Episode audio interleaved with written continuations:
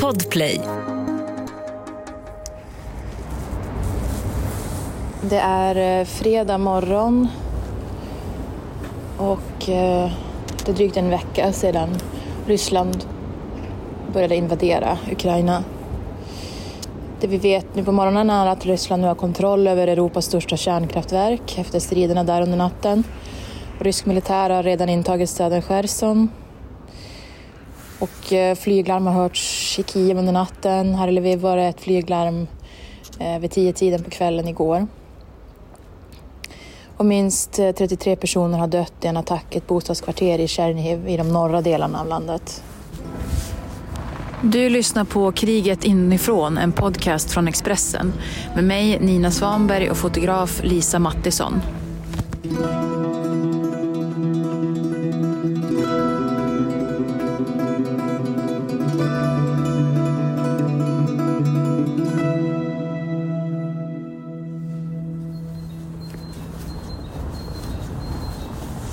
Ja, men du Lisa, jag tänkte att vi skulle sammanfatta vår vecka lite grann. Okej. Det är ju fredag, fredag morgon. Vi väntar på våran fixare ute på gatan utanför vårt hotell.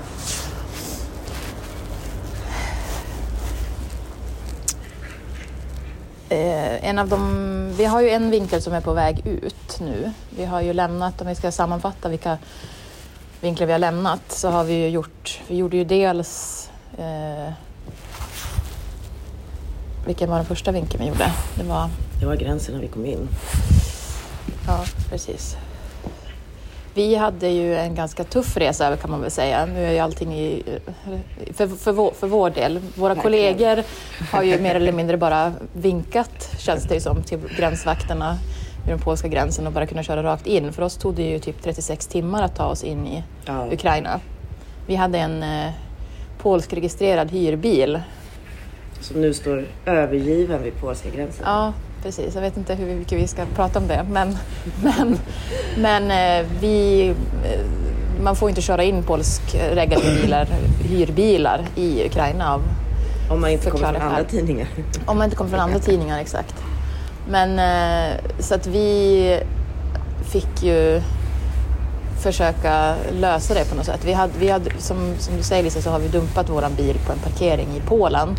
Och sen med hjälp av olika snälla människor så har vi ju liksom tagit oss till gränsstationerna. Och sen när vi, vi stod ju där vid den där gränsstationen i Medika, nej inte i Medika utan i en av de andra gränsstationerna. Och till slut kom vi på en buss som skulle in i Ukraina och lämna och som, som hämta förnödenheter och kvinnor och barn och köra ut ur, Ukraina. Eh, Så det blev några timmar där på den bussen. Mm. Hur, hur minns du den resan över? Jag tyckte att vi, då tyckte jag att vi hade lyckats. Ja. att det var en ganska bra lösning att komma med den bussen. Även om vi fick lämna en stor del av vår packning och annat. Ja, Jo, jag tyckte det var, vi löste det ju. bussen var en höjdare. Vi löste det ju. Det kändes väldigt mörkt där ett tag att överhuvudtaget ta sig in i Ukraina. När det, var, det var ju så långa köer, alltså människor som stod och väntade på folk vid gränsstationen på polska sidan. På människor som skulle eh, från Ukraina in i Polen. Det var ju folk som hade övernattat på polska sidan också.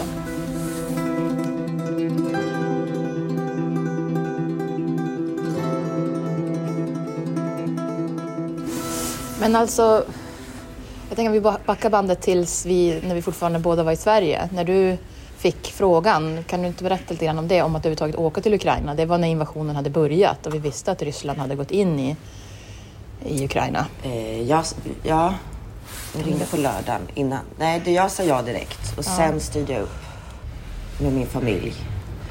Eh, Minns du hur samtalet gick? nej, det var mer. Kan du tänka dig åka?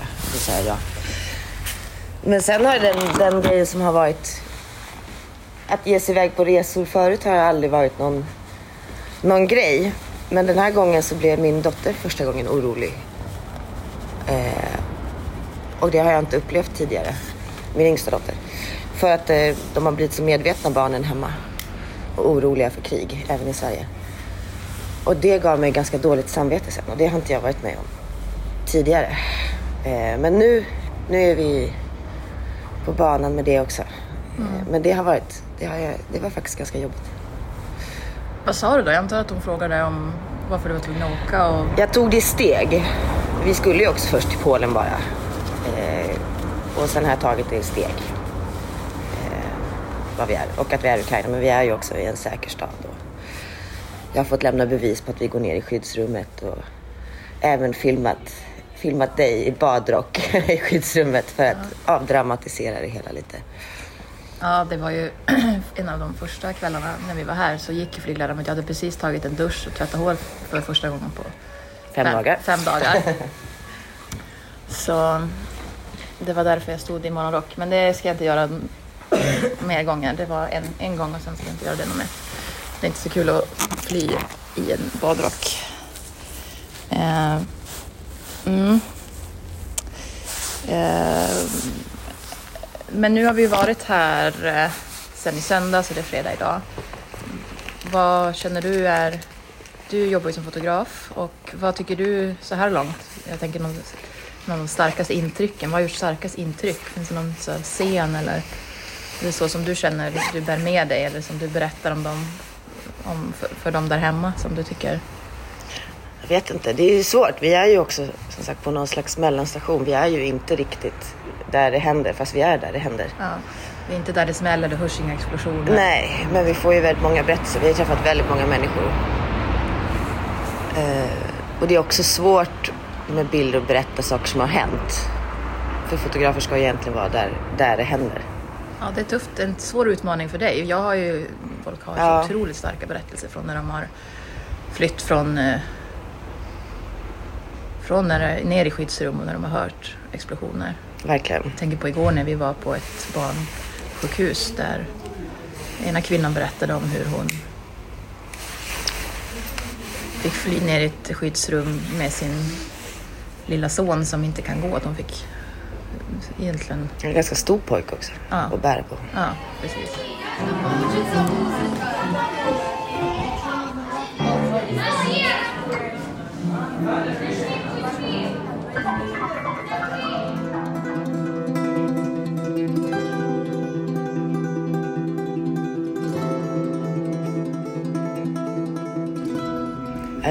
Det är svårt. Och sen i början hade jag ju, vi tjatade ju om att jag hade så många jag tänkte så mycket på flyktingkrisen för det var med alla tält, alla människor. När du jobbade med flyktingkrisen. Ja, Ja. det jobbade jag så mycket med att vara ute i Europa.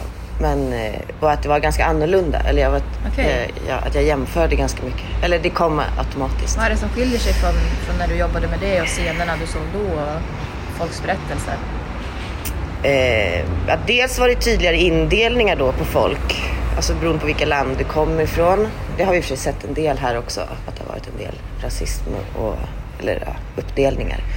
Man delar upp liksom, Ja. vita kvinnor och barn är liksom hög prio medan Ja. de som kommer till exempel från Västafrika som vi har Precis. pratat med. Och nu är det ju framförallt kvinnor och barn som man ser. Så var det ju inte. Då skickade man ju männen för, som första person och sen till familjerna. Och då mötte jag framförallt upp dem över hela Europa. Och då hade de redan gjort en resa. De hade ju nästan ingen packning. Här åker folk med väskor. Det är mer organiserat. Och man flyr med sina bilar och man flyr. Det ser mer ut som folk packar för en, liksom, en, En lång resa. Ja, en Ja. längre resa eller en cityweekend. Folk har sina kabinväskor som de drar. Eh, Och sen är det väl också det som är annorlunda är att för här, i- nu är vi mellan, här i början av resan till mycket, då var ju folk slut på ett annat sätt. Ja. Och här känner folk ofta folk i Europa, eller det, ja, Ja, det finns jo. många, det är annorlunda. Sen är det ju väldigt många likheter också. Men, men nu har jag släppt det lite, faktiskt. Ja, och sen så kan man ju säga att jag tycker ändå att många har haft tuffa resor. De som har flytt från Kiev Mm. eller östra Ukraina så är det ju väldiga umbäranden ja. de berättar. Inte minst de här otroligt trånga tågen.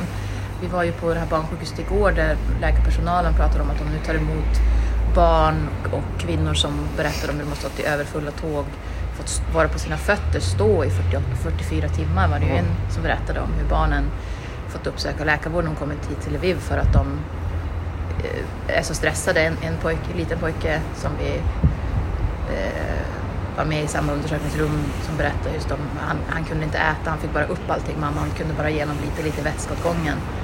Han fick, han fick upp allting han åt. Jo, alltså nej, jag menar verkligen inte att förringa de här Mm. eh, Det ska, det ska ju inte jämföras heller. Det var bara Men när vi alltid- kom in hit. Jag förstår. Ja, jag skulle nog säga att mina starkaste intryck så här långt. Vi har ju träffat, som du är inne på Lisa, så har vi ju träffat väldigt många människor, pratat med väldigt många människor i olika situationer från olika städer. Eh, jag skulle säga, mm, eftersom att det var alldeles precis i början av vår resa här så var det ju såklart på, på tågstationen, kaoset som var på tågstationen. Enormt mycket människor, överfull tågstation, överfulla tåg. Och just den här kampen som skedde när ett tåg kom, alla som skulle fort på tåget, tränga ihop sig. Eh, och de här militärpoliserna som vaktade ingångarna och fick liksom mota bort folk från att komma på, framförallt då eh, men männen som, som också ville komma på. De som eh, kanske inte förstått eller ville acceptera att det bara var Kvinnor och barn. kvinnor och barn ukrainska, eh, liksom, vita kvinnor och barn. det har ju inte varit jättebra information heller. Skulle jag Nej, tro. nej, det är ju väldigt lite information. På tågstationen så är skyltarna på ukrainska. Eh, till exempel. Det är inte så mycket information på engelska. Du har lyssnat på Kriget inifrån, en podd från Expressen. Med mig Nina Svanberg och fotograf Lisa Mattisson.